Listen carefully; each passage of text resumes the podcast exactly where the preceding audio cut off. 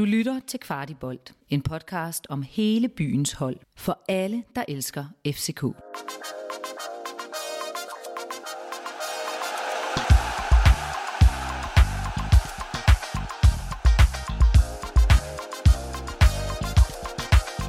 Årets sidste Superliga hjemmekamp står for døren, og hvilken en af slagsen. De Vige kommer på besøg i parken. Vi bliver over 30.000 mennesker, og der skal 100% 3 point i hus. Du lytter til Kvart i Bolds optagsprogram Kvart i Optakt, en kort podcast, der giver dig alt, hvad du behøver at vide op til FCK's næste kamp. I dagens program får I naturligvis en dybdegående analyse af AGF, altså modstanderen, og hvordan vi FCK bør gribe kampen an. Vi kommer med en status på FCK'ernes præstationer i landskampene. Vi samler op på de sidste tre ugers power ranking. Og slutligt så har vi det, som alle går og venter på. Ugens fidus. Og den her gang, så er det rent faktisk lidt en fidus. Som altid, så kan vi ikke love jer en sejr, men vi vil gerne love jer, at den bedste optakt til den kamp, den får I her hos Kvartibolt. Mit navn er Rasmus Pasteggi, og ved min ene side har jeg Kasper. Hej Kasper. Hej Rasmus. Og Henrik. Hej. Hej Rasmus.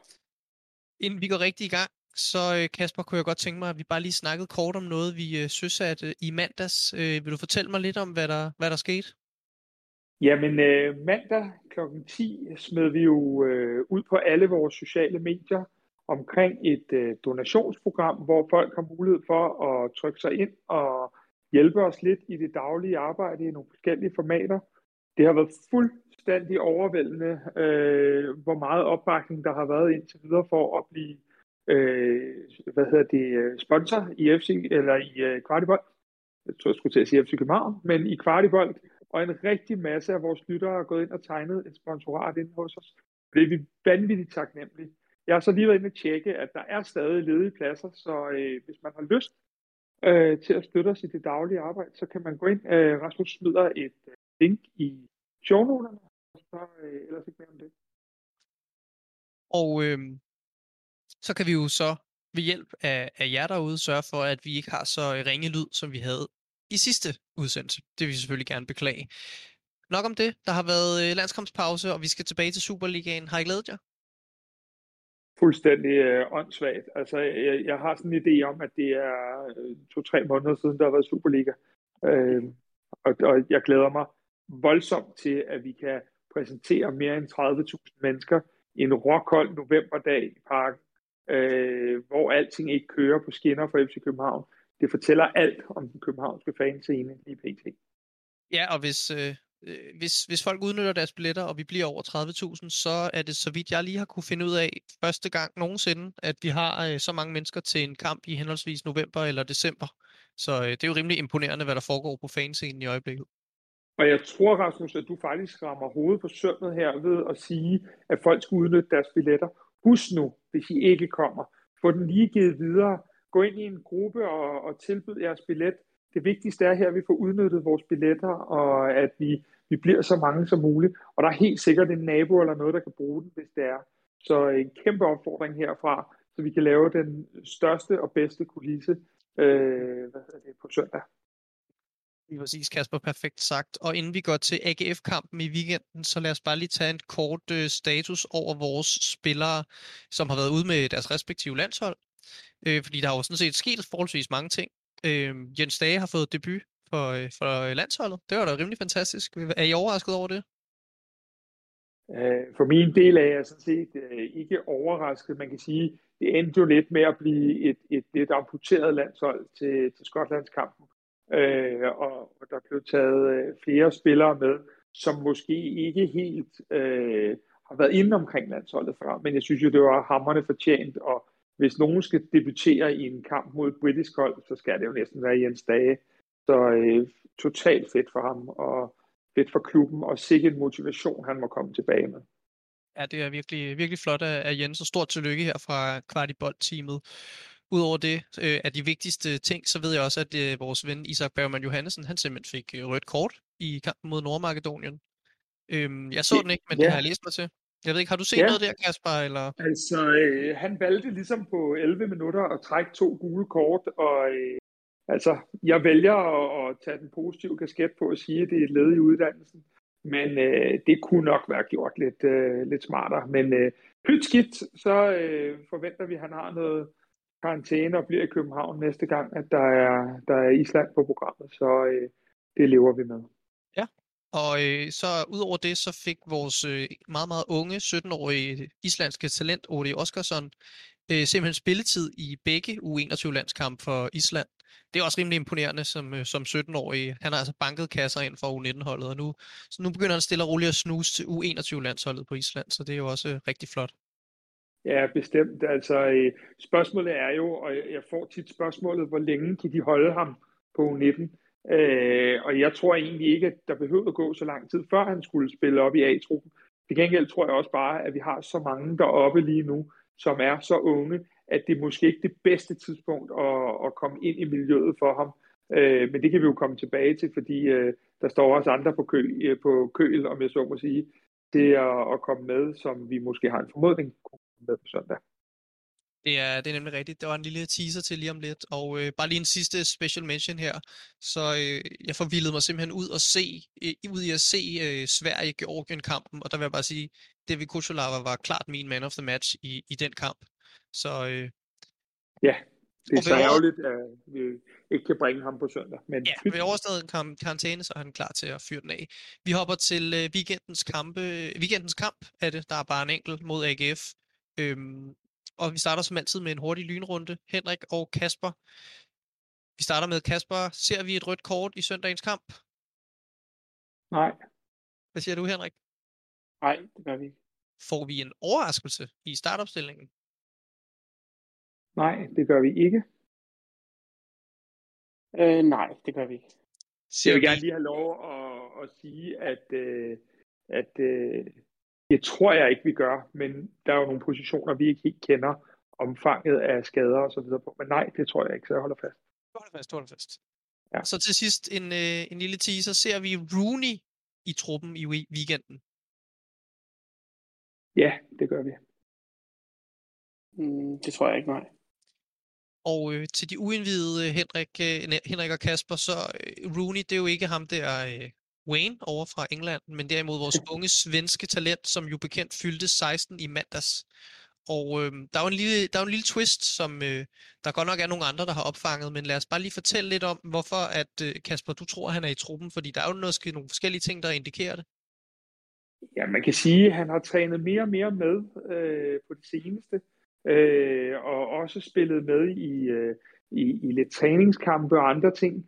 Og så er der jo den lille krølle, at Rooney skulle, øh, skulle med, med et uhold, og, og det skulle han her på tirsdag, så vidt jeg er orienteret. Øh, men det har FC København simpelthen sagt nej til, og derfor kan jeg ikke forestille mig andet, fordi Rooney er faktisk ikke spilberettiget mod øh, Lincoln Red Imps fra Gibraltar. Så øh, der kan kun være én ting, der, der går den vej, og det er, at vi jo i nogle kampe har haft svært ved at score og har manglet noget x-faktor. Og derfor kan jeg ikke forestille mig andet, end at den x-faktor Rooney i givet fald vil kunne bringe, og det 30.000 øh, store stadion, der, der, der sidder klar for at vente på denne her unge spiller, som jo i hvert fald er blevet hypet meget kraftigt for FC København. Jeg kan ikke forestille mig det, at, at man ikke har ham med på et yderligt mandat, hvis man skal ind og lave et eller andet kaos til sidst. Også fordi den position, han vil kunne gå ind og spille, er en position, hvor vi ikke er så godt besat i forvejen. Og så er der jo også den øh, ekstra ting, som øh, jeg i hvert fald håber på i forhold til at, øh, at få Rooney ind. Det er, at han vil være den øh, yngste debutant i øh, FCK's historie, og han vil fjerne en, som jeg ret gerne vil have fjernet fra de bøger, som jo efterfølgende gik hen og skiftede til Brøndby. Så øh, det kunne da være glædeligt, hvis, øh, hvis Rooney han kommer ind og bliver vores yngste debutant nogensinde og får en stor karriere. Lad os, lad os håbe på det. Til sidst, øh, eller ikke til sidst, som en lille optag til analysen, så skal vi have nogle øh, resultatbud på på bordet. Kasper, hvad tror du kampen mod AGF bliver? Jamen, øh, nu var jeg jo med i en øh, AGF-podcast i går som optakt til kampen, så jeg må hellere holde fast i, at jeg øh, gik med en 2-1-sejr til FC København. Ja, og hvad siger du, Henrik? Ja, men jeg ville også have sagt 2-1, så tror jeg faktisk, at så, så prøver jeg at sige 2-0. 2-0 simpelthen. Øh, jeg tror også på 2-0 for en gang skyld, øh, er vi enige her, og, øh, og nu håber jeg virkelig, at, øh, at øh, Twitter har oppet deres serverkapacitet, fordi der kan der kun blive aktivitet i aften, når folk finder ud af, at Kasper Larsen ikke har gættet på 1-1. øhm, lad os hoppe til kampen. Øh, som altid, så skal vi lige have lidt data på bordet, øh, de kolde facts, og hvis der er nogen, der kan levere dem, så er det dig, Henrik. Hvad, hvad har du til os? Jeg kan i hvert fald prøve. Altså, vi har lidt været inde på det med Kutulava, han har jo karantæne, og så Bøjle, han har stadig den her karantæne ved gul til 6 point. Øh, 44 gange har FC København taget imod i AGF i en Superliga-kamp, og de seneste fem kampe, det er endt med tre sejre, en uafgjort og et nederlag. Øh, AGF, de vandt jo senest den her flotte sejr på 3-0 hjemme over øh, Midtjylland, og så spillede de forrige kamp øh, 0-0 øh, ude mod OB. Øh, I denne her sæson, der har de fem sejre, seks nederlag og fire uafgjorte øh, øh, indtil videre. Ja, og som du så selv rigtigt siger, som vi kom ind på tidligere, så er Kuchulava altså ude med øh, karantæne. Kasper, øh, hvem tror du, de kommer til at bringe i stedet for? Kommer der til at være store ændringer, eller bliver det vores øh, norske ven Ruben Gabrielsen? Jeg tror, det bliver øh, en til en med Ruben Gabrielsen. Det er jo øh, den spiller, som vi har købt ind til lige præcis de her ting. Altså at kunne erstatte øh, Kuchulava og, og Bøjlesen i det her efterår, fordi vi vidste, der kom mange kampe, og at øh, Kuchulava jo også er en spiller, der pådrager sig en del advarsler, øh, og dermed nogle karantæner. Så det Gabrielsen er indkøbt til, det er lige præcis kampe som på søndag, hvor han skal ind og vikariere. Øh, og uden at det her de skal være sådan en anden transfer breaking, så er der en, øh, en, en lille fugl, og kun en lille fugl, der, øh, der har fortalt, at øh, vi muligvis øh, er begyndt at have nogle indledende snakke med Gabrielsen om, hvorvidt at vi øh, skal forlænge det samarbejde, der faktisk udløber her den, den 9. december efter Slovan-kampen. Interessant. Og så øh, bare lige et ekstra info, som man kan, øh, som man kan blære sig over for sine venner med, så er, er Coach du er du altså også indehaver af rekorden for, øh, for øh, hurtigste gule kort øh, i Superligaens historie. Øhm, så det er en form for øh, karantænemester, vi har her. Hvor stort et problem synes du, det er, Kasper, at vi så forholdsvis ofte skal undvære øh, Kuchulava? Altså, det er jo en del af hans øh, spillestil at være lige til grænsen, og nogle gange lige en kende øh, over grænsen. Øh, og jeg vil sige det sådan, at jeg tror, hvis man piller det for meget ud af hans spil, så får man en mere ordinær spiller. Så jeg tror simpelthen, det er noget, vi må, må leve med. Og de, øh, man kan sige, de, de lyttere, vi har, der, der kender lidt tilbage i historien, de kan huske en, en anden spiller, vi havde, der hed Tobias Linderoth, øh, som jo også blev kaldt tre kampe og en karantæne, mere eller mindre. Og jeg tror bare, at det er vigtigt, at man ikke piller det element ud af deres spil heller, øh, fordi det er spillere, som, som lever på at være helt til grænsen, og man kan sige, at der er jo mange angriber, der er, er blevet sat til væg af, af David, fordi at han, øh, at han lige præcis øh, er en hård hund øh, at spille over for, og ved, hvordan man spiller internationalt. Så for min del er det noget, jeg lever med. Øh, så kan der være nogen, der er mere kloge end andre af de kort, han, han modtager. Det er rigtigt, det er godt hævet frem med Tobias Linderoth, som jo øh, til stadighed er, er den spiller i, i klubbens historie, som har fik flest kort per spillet minutter. Han var helt nede med et, øh, et gult kort per 289. 20. minut spillet. Det er også det er måske lidt, øh, lidt voldsomt, men, øh, men det er da også en form for rekord. Og, øh, og, øh, og Kasper, øh, det sidste træk inden juleferien, der er to europæiske kampe, der er to Superliga-kampe. Hvilket udtryk tror du, at øh, både FCK og AGF kommer til at komme ud med i, i den her øh, ret, ret øh, hypede kamp i virkeligheden? Ja, yeah, altså øh, rent taktisk, så øh, hvis vi skal starte med vores modstander, jeg er ikke et sekund i tvivl om, at David han har siddet og kigget kampe igennem for efteråret. Og, og er der noget, David han kan, så er det at, at parkere den berømte Mourinho-bus. Og jeg er ret sikker på, at, øh, at øh, AGF kommer til at stå ret lavt, fordi vi har vist, at vi har kampe, hvor vi har svært ved at skabe noget mod modstandere, der står så lavt. For eksempel i, i kampen mod Viborg og, og i kampen mod øh, FC Midtjylland herinde, øh, som så godt nok bliver 10 mand der har vi sværere ved at, at, at, at skabe noget. Og det tror jeg, at David har kigget på, og så tror jeg, at, øh, at, at de øh, kommer til at, at stå lavt og spille øh, rigtig meget på omstillinger og have deres lidt hurtige kantspillere øh, øh til at servicere Patrick Mortensen. Så hvis vi kigger den del. hvis vi kigger FC København, så har jeg simpelthen det største håb, og nu ved jeg godt, at jeg kommer til at gentage mig selv en lille smule, men jeg vil så gerne have, at vi går tilbage til det, der har virket. Det, der virkede mod Vejle, og det, der virkede øh, i august måned. Øh, det der med at få, øh, hvem det nu end er, vores venstre kan i hvert fald, til at stå meget bredt, øh, og få øh, vores mellemrumspillere mere i gang, og vores dybdeløbere nede bagfra ind i boksen. Fordi det er den måde, vi har været bedst på, og det er den måde, vi har spillet bedst på. Øh, og det er det udtryk, jeg tror, at vi egentlig dybest set også gerne vil spille, men vi ikke altid har øh, Og så er der lige en detalje, og det er, at øh, vi har ikke spillet, øh, vi har ikke spillet europæisk. Vi har haft en træningsuge. Jeg er med på, at vi har haft et par spillere, der har været på landsholdet, men vi har haft en træningsuge. Og nogle gange har det været sådan, fordi vores trup er så smalt, som den er, at, at vi har haft lidt udfordringer med at finde øh, et energiniveau, der matcher om søndagen, når vi har spillet europæisk. Men det er jo ikke tilfældet her. Så jeg har en idé om, at vi godt kan se det FC København med et, øh, et, et godt flow i spillet, hvis Torup ellers vel og mærke holder, holder gang i nogle af, af de ting, der har virket. Og det synes jeg jo, han egentlig forsøger at gøre. Ja, jamen øh, det synes jeg var et, et, et meget, meget detaljeret og, og godt svar i virkeligheden. Øh, jeg kunne godt tænke mig at, at tage fat i nogle af de ting, du snakker om her, Kasper. Der kan jeg godt lige bruge dig, Henrik, fordi AGF, øh, de er jo lidt scoringsudfordret. Øh, og selvom at Kasper næsten lige har givet opskriften på, hvordan de mål så gerne skulle være scoret i, i kampen mod FCK, hvad, øh, hvad, hvad, hvad, hvad fortæller tallene i forhold til, at øh, AGF er så udfordret på at få puttet den i kassen? Ja, men altså, du har ikke ret i det, at de har lavet 13 mål, og det er næst færrest i ligaen, så helt sikkert øh, udfordrer med at score mål. Øh, de er det hold, der har øh, færrest afslutninger øh, per 90 minutter. De har kun lige ni styks, øh, og så har de også færreste, øh, eller den laveste XG af alle hold i ligaen. Og jeg kigger mest på ham her, øh, Patrick Mortensen. Øh, han har på ingen måde scoret mål, som han gjorde i sidste sæson. Der, der lavede han ni mål i de første 15 kampe. Og i den her sæson øh, har han altså kun nettet to gange i, indtil videre. Øhm, så kan man sige, at hans, hans antal afslutninger per 90, det er faldet en lille smule. Altså det er smaldet fra, faldet fra 2,4 til, til 2. Og hans XG, altså sandsynligheden for, at han scorer, den er faldet fra 0,5 til, til 0,2 per 90 minutter. Men øh, det er også ret overraskende for mig at se, at hans præcision, altså hvor god han er til at ramme målet, den er faktisk halveret fra sidste sæson til den her sæson. Så øh, fra at ramme målet øh, hver anden gang, der rammer han faktisk øh, nu kun målet hver fjerde gang. Så øh, jeg tror, en af deres største udfordringer, det ligger i, at Patrick Mortensen, han, øh, han ikke er på samme niveau som sidste år. Men, men han har jo også lige været inde i noget af en, øh, af en scoringskrise, det må vi jo også øh, sige.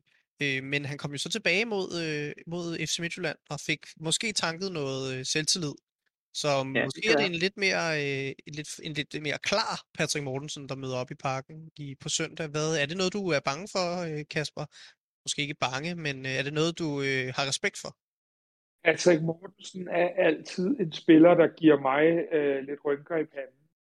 Øh, jeg synes altid, at han er sulten, og han er agerig, og øh, ligegyldigt om han er i en eller anden krise, så virker han psykisk så stærk, at det ikke betyder så meget, som det kan gøre for andre angriber.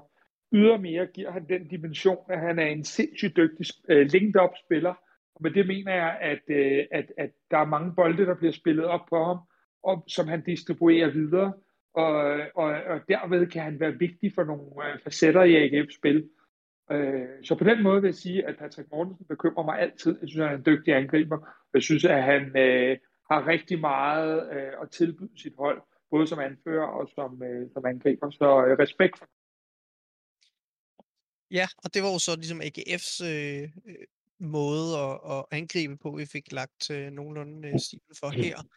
Øhm, Henrik, hvad med, øh, hvad med deres defensiv? Hvordan præsterer AGF, og øh, hvordan kan vi måske finde ud af noget i forhold til, hvordan vi bør åbne deres defensiv? Øh? øh ja, det, det kan vi måske prøve på, men øh, man kan sige, de er jo... Øh, de er faktisk øh, det hold, der har øh, lukket femte færrest mål ind. Så det er umiddelbart ikke som, som man tænker, at deres forsvar er vildt skræmmende. Men øh, deres, øh, hvis man kigger på den her XG, den indikerer faktisk måske, at deres forsvar har været en lille smule uheldige.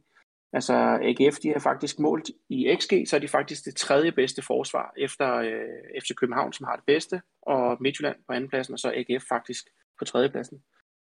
Øh, de er, øh, AGF er det hold i ligaen, som tillader næst færrest afleveringer per, øh, per defensiv aktion. Og de er også det hold i ligaen, som har den højeste udfordringsintensitet. Øh, altså her måler man antallet af dueller, interceptions og taklinger per minut af modstanderens øh, boldbesiddelse. Så AGF det er jo et hold, som, øh, som vi simpelthen i tallene kan se, de presser aggressivt, de presser hårdt og de presser intenst.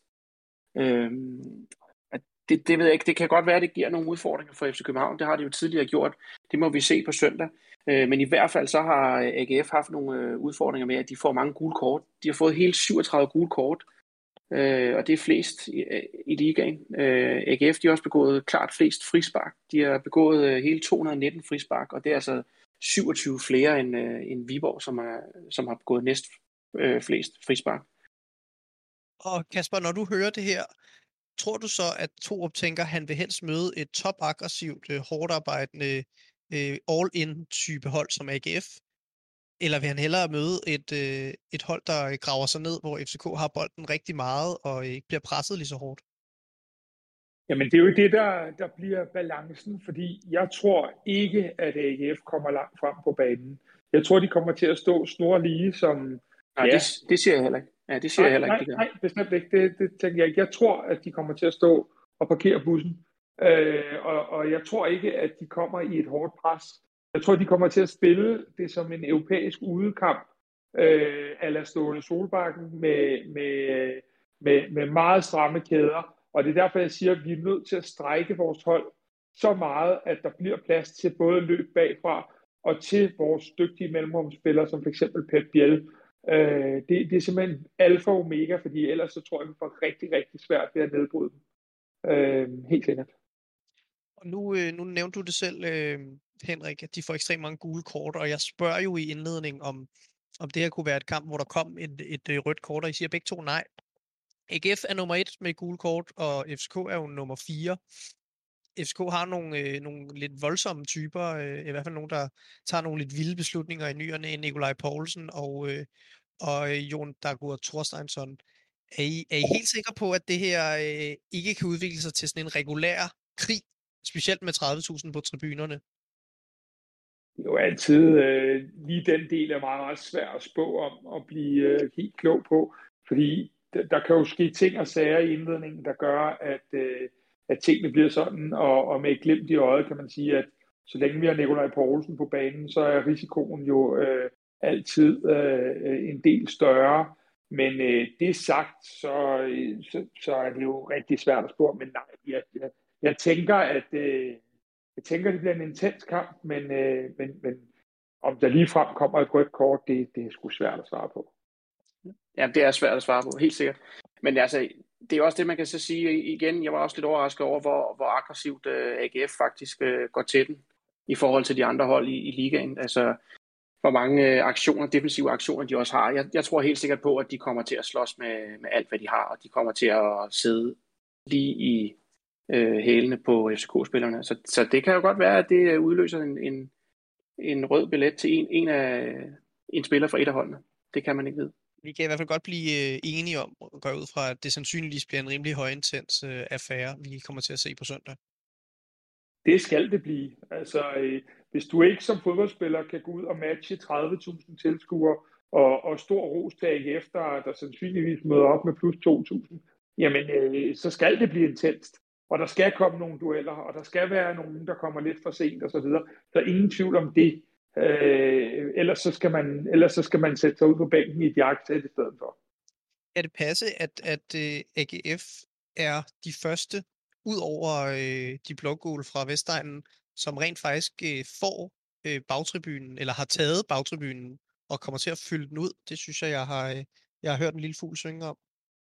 Ja, altså mig bekendt uh, husker jeg heller ikke, at der skulle være uh, andre hold, der har, der har gjort det, og hvis man kigger lidt på, på fankulturen i Danmark, øh, og det er uden at støde den ene eller den anden, jamen så er der vel kun tre holds øh, udefans, der, der leverer så mange mennesker som, som øh, Brøndby, AGF og selv.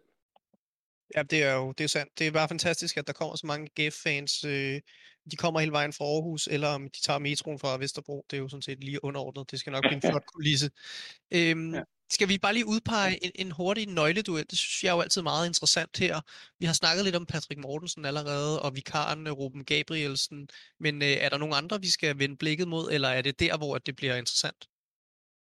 Altså for mig er det fuldstændig det, der er nøgleduellen, fordi øh, jeg synes, at øh, vi har set en, kan man sige, en lidt svingende Ruben Gabrielsen indtil videre. Jeg synes, der har været kampe, hvor han bestemt har bestået, og hvor han øh, har tilført holdet noget af den rutine og erfaring, som vi ved, at hans øh, mange kampe, blandt andet i Frankrig, har, har vist.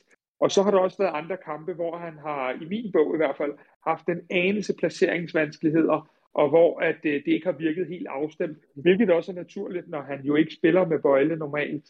Øh, så for mig er det helt afgørende. Dog vil jeg sige, at som type tror jeg egentlig, at Patrick Mortensen står fint til Ruben Gabrielsen, fordi det er en fysisk duel. Jeg tror, at øh, Ruben vil få større problemer, hvis der bliver øh, for meget småspil rundt om ham. Øh, fordi fysisk er han jo ja, øh, næsten lige så stærk som dig, Rasmus. Ja, han er, han er voldsom, som øh, David ja, Nielsen ville, ville sige. Det, ja. det, det bliver ekstremt spændende at, at, øh, at holde øje med det, og øh, det er heller ikke sådan, at Ruben Gabrielsen har været ude og spille sig selv træt i, i uh, Norges landskampe. Det, han er max lidt, lidt træt i mås, når jeg sidder på bænken, så det er jeg så faktisk også glad nok for, at han ikke kommer helt smadret tilbage. Han er fit og fit for fight og klar til at holde Patrick Mortensen i kort snor. Inden vi hopper til uh, vores power ranking, så kunne jeg godt tænke mig lige at vende den tre ugers power ranking, som vi lavede for det er jo så fem uger siden nu, hvor vi havde en hel masse kampe i træk. Ganske kort, Kasper, for fem uger siden, der, øh, der havde du øh, Lukas Lerager som nummer et, Jonas Vind som nummer to, fordi han skulle score en masse mål, og Nikolaj Bøjlesen, fordi han skulle øh, holde fast i kulturen i klubben og hjælpe igennem en, øh, en svær tid. Hvordan, øh, hvordan synes du, de tre har præsteret i den sidste måned? Øh, altså, jeg vil nok have lavet en lille smule om i dag, hvis jeg skulle. Øh, jeg synes jo, at det er jo altid det sidste øjebliksbillede, der står stærkest. Og det vil sige, at, øh, at, at det, er jo, det er jo Silkeborg-kampen, hvor vi øh, spiller 0-0, og hvor hverken Jonas Vind eller Lea er, eller Bøjlesen som sådan har, har markeret sig.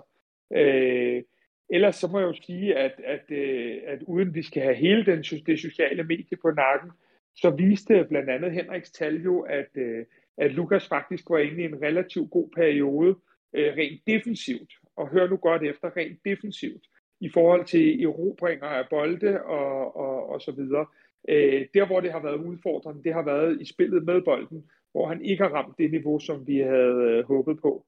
Øh, Bøjle har som sådan spillet nogle gode kampe. Vi skal så lige have luet ud i hans øh, one mistake øh, per kamp, hvor han øh, har haft en, en enkelt jernblødning. Øh, fordi ellers synes jeg jo egentlig, at han har, han har ledet sit hold ganske fint.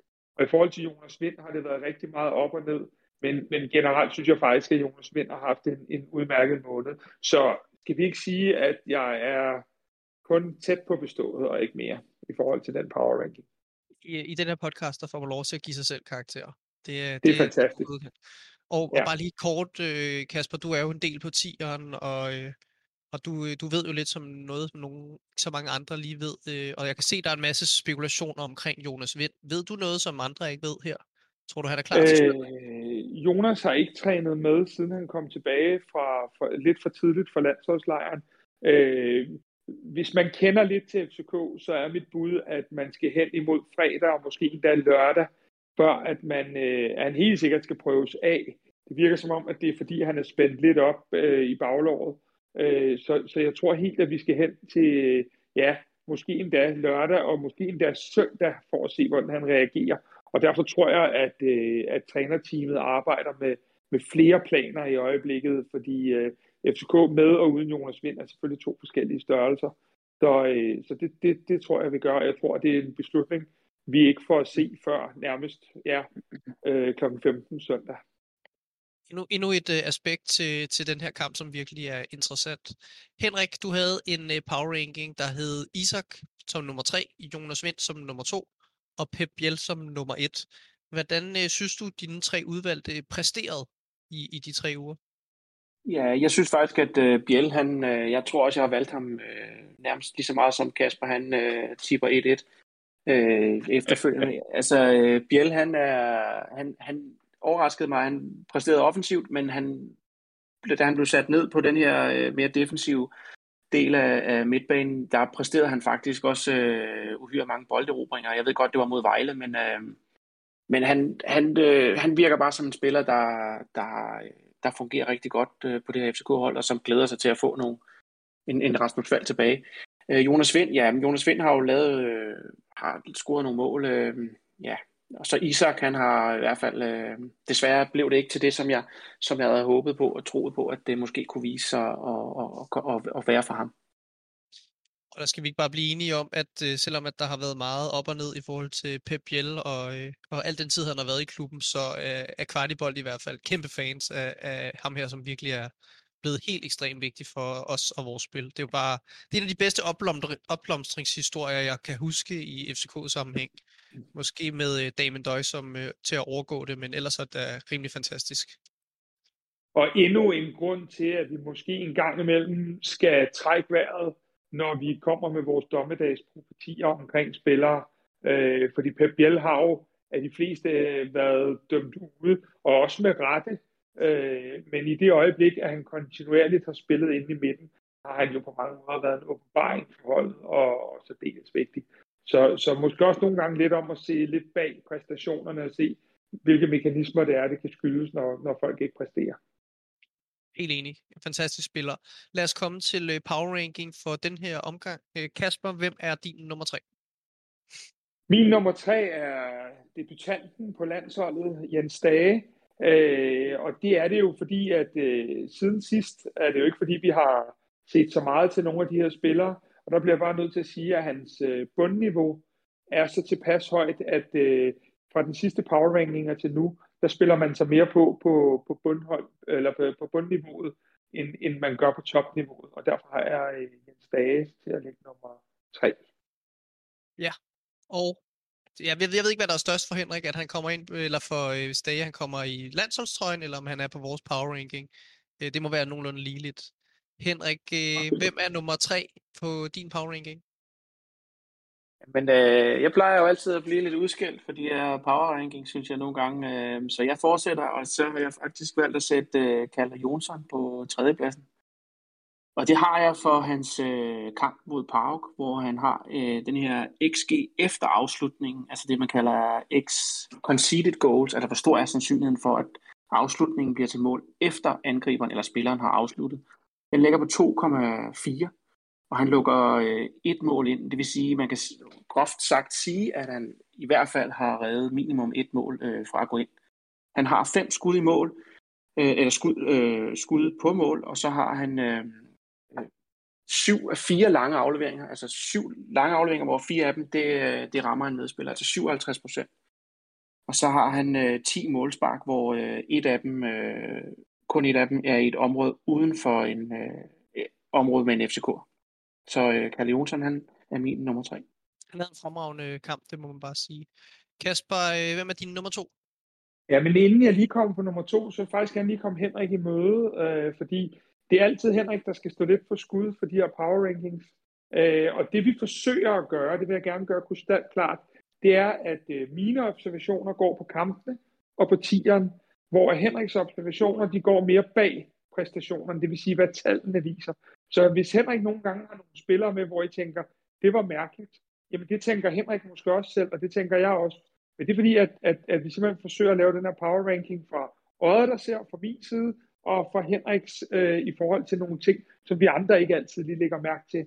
Øh, så det var bare lige en lille sidebemærkning. Øh, men nu, nu skal vi have den store øh, bitch fight her, Henrik, fordi min nummer to, mhm. det er, øh, det er Camille Grabara.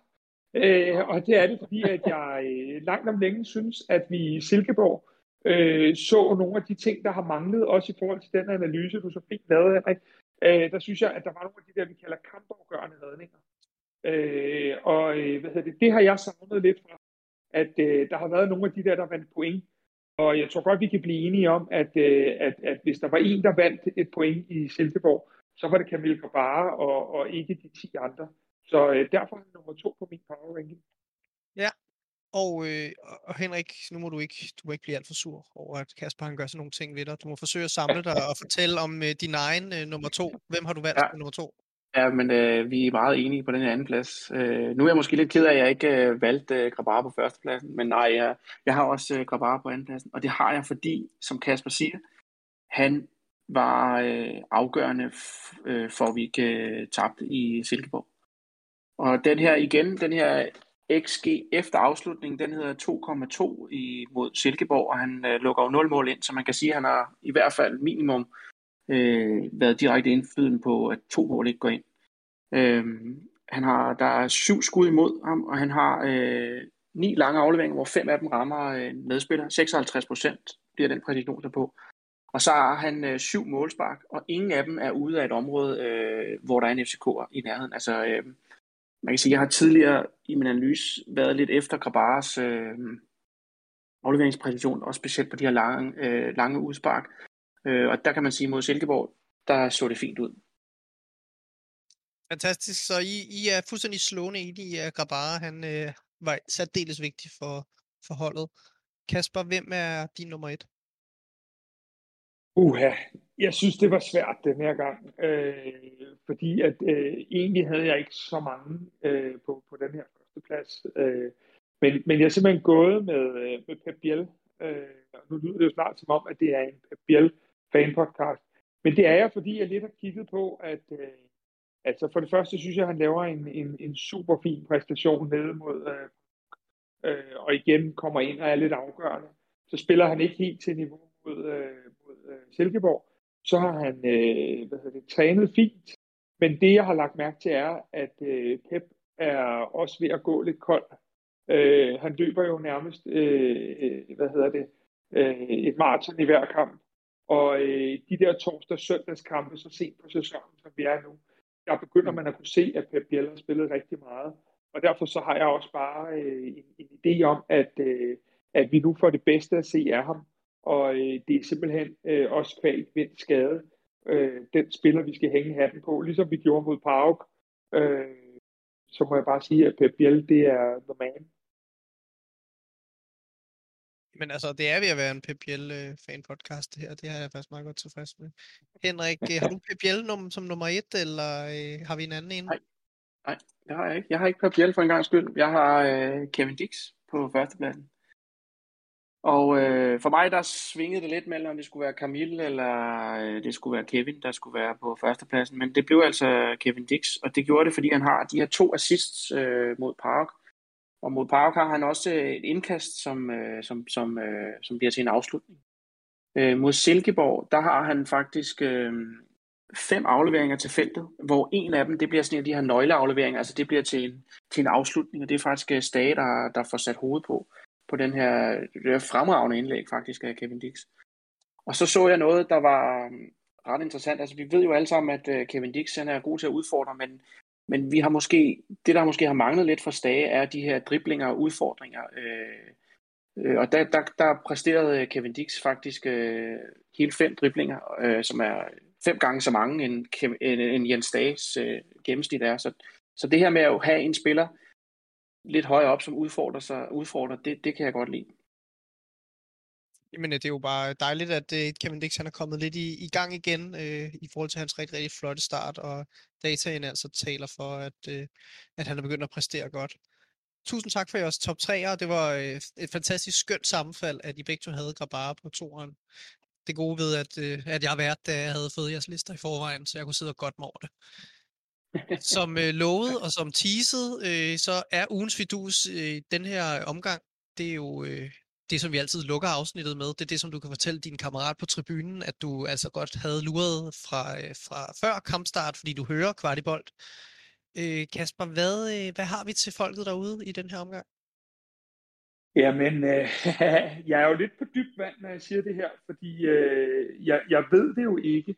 Øh, og det kan være, at jeg skyder helt forbi, men øh, jeg synes, at øh, Rasmus Falk øh, har været tilbage på træningsbanen med holdet nu i et lille stykke tid, og øh, jeg synes, han har set overraskende fit ud. Vi havde også øh, en video øh, fra et træningspas her i sidste uge, hvor at han øh, både sparker på mål langt udefra, er i glidende takling og, og så videre.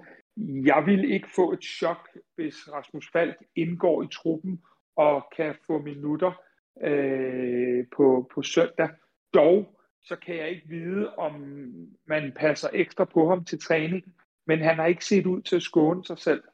Øh, jeg har selv en snak med Rasmus på, øh, på fredag, øh, og jeg vil selvfølgelig forsøge at, at spørge ham til, hvordan at, øh, det egentlig går, men det er faktisk lidt min fidus, at han på en eller anden måde kan få en rolle på søndag øh, i vores kamp mod AGF, hvilket nok er lidt en overraskelse for. Så det vil være min fidus, øh, og så kan det være, at jeg er helt gal på det. Det er en af de bedste nyheder, synes jeg, at vi har, vi har fået i, i lang tid i den her podcast, selvom at det er en, øh, en, en vurderingssag, som Kasper jo også siger så mange gange. Det er ikke noget, vi som sådan lover, men øh, jeg synes, det er rigtig, rigtig spændende, Kasper. Øh, og den har jo, øh, der har jo faktisk været lidt mange forskellige ting op at, at vende omkring det her, fordi der er rigtig mange, der snakker om Falk, og det er ikke mere end 4-5 timer siden, jeg hørte en anden podcast, som regnede med, at øh, han først ville spille mod øh, Bratislava. Så det hele er lidt op i luften, men øh, her hos Kvartibold, der er vi i hvert fald ekstremt positive i forhold til, hvad der er blevet set på træningsbanen. Så lad os håbe på, at den øh, positivitet udmyndter sig i noget snarlig spilletid til Rasmus Falk. Ja, jeg prøver sådan op i mit hoved at finde ud af, hvor meget det er min hjerne og mit hjerte, der fortæller mig tingene. Men øh, nu har jeg lavet en sammenkogt gryderet og sagt, at øh, jeg håber, at det sker på søndag. Øh, og jeg tror ikke, at det er helt utopisk. Så skal vi så lige huske, at Rasmus har været ude siden august måned. Så det er jo ikke noget med, at der kommer en Rasmus Falk ind og spiller 90 minutter, med, hvor han tager dirigentstokken. Men øh, vi kunne håbe på lidt spilletid og lidt sult, kunne opveje nogle af de ting, der naturligvis må mangle på noget kampform, hvis han ellers er der, hvor at han kan gå helt i nærkampene, når han nu skal løbe over for den gode her Poulsen. AGF. Normalt så sætter man jo et punktum efter sådan en øh, podcast her, men jeg tror, det bliver et udråbstegn, vi sætter den her gang, øh, fordi at det er, den har været en ekstraordinær ud, lang udgave af Kvart i Optakt. Der er blevet øh, fortalt både om øh, vores nye kommende forhåbentlig øh, svenske superstjerne Rooney, der er blevet spildt nogle, øh, nogle gode informationer om Rasmus Falk, og så er der ikke så meget andet at sige til, at man bare skal glæde sig til på søndag. Forhåbentlig 30.000 øh, mennesker i parken, hvis I husker at bruge jeres billet derude. Hvis I ikke gør det, så hop ind på vores Facebook og øh, skriv ind i billettråden, at I gerne vil give den videre, sådan så I kan hjælpe andre på stadion. Så er der bare tilbage at sidde i øh, tusind tak til øh, de to øh, Grabara-fans, Kasper Larsen og øh, Henrik Tustrup. ja, selv tak, Rasmus. Ja. Ja, selv tak, Rasmus. Det var fantastisk at være tilbage igen. Jeg håber, at øh, jer derude kan høre, at, øh, at vi har savnet at lave det her, fordi at, øh, der er gået 10 dage siden, vi snakkede sammen sidst, og det er jo næsten lige så hårdt som at savne FCK. Vi, øh, vi høres ved næste gang.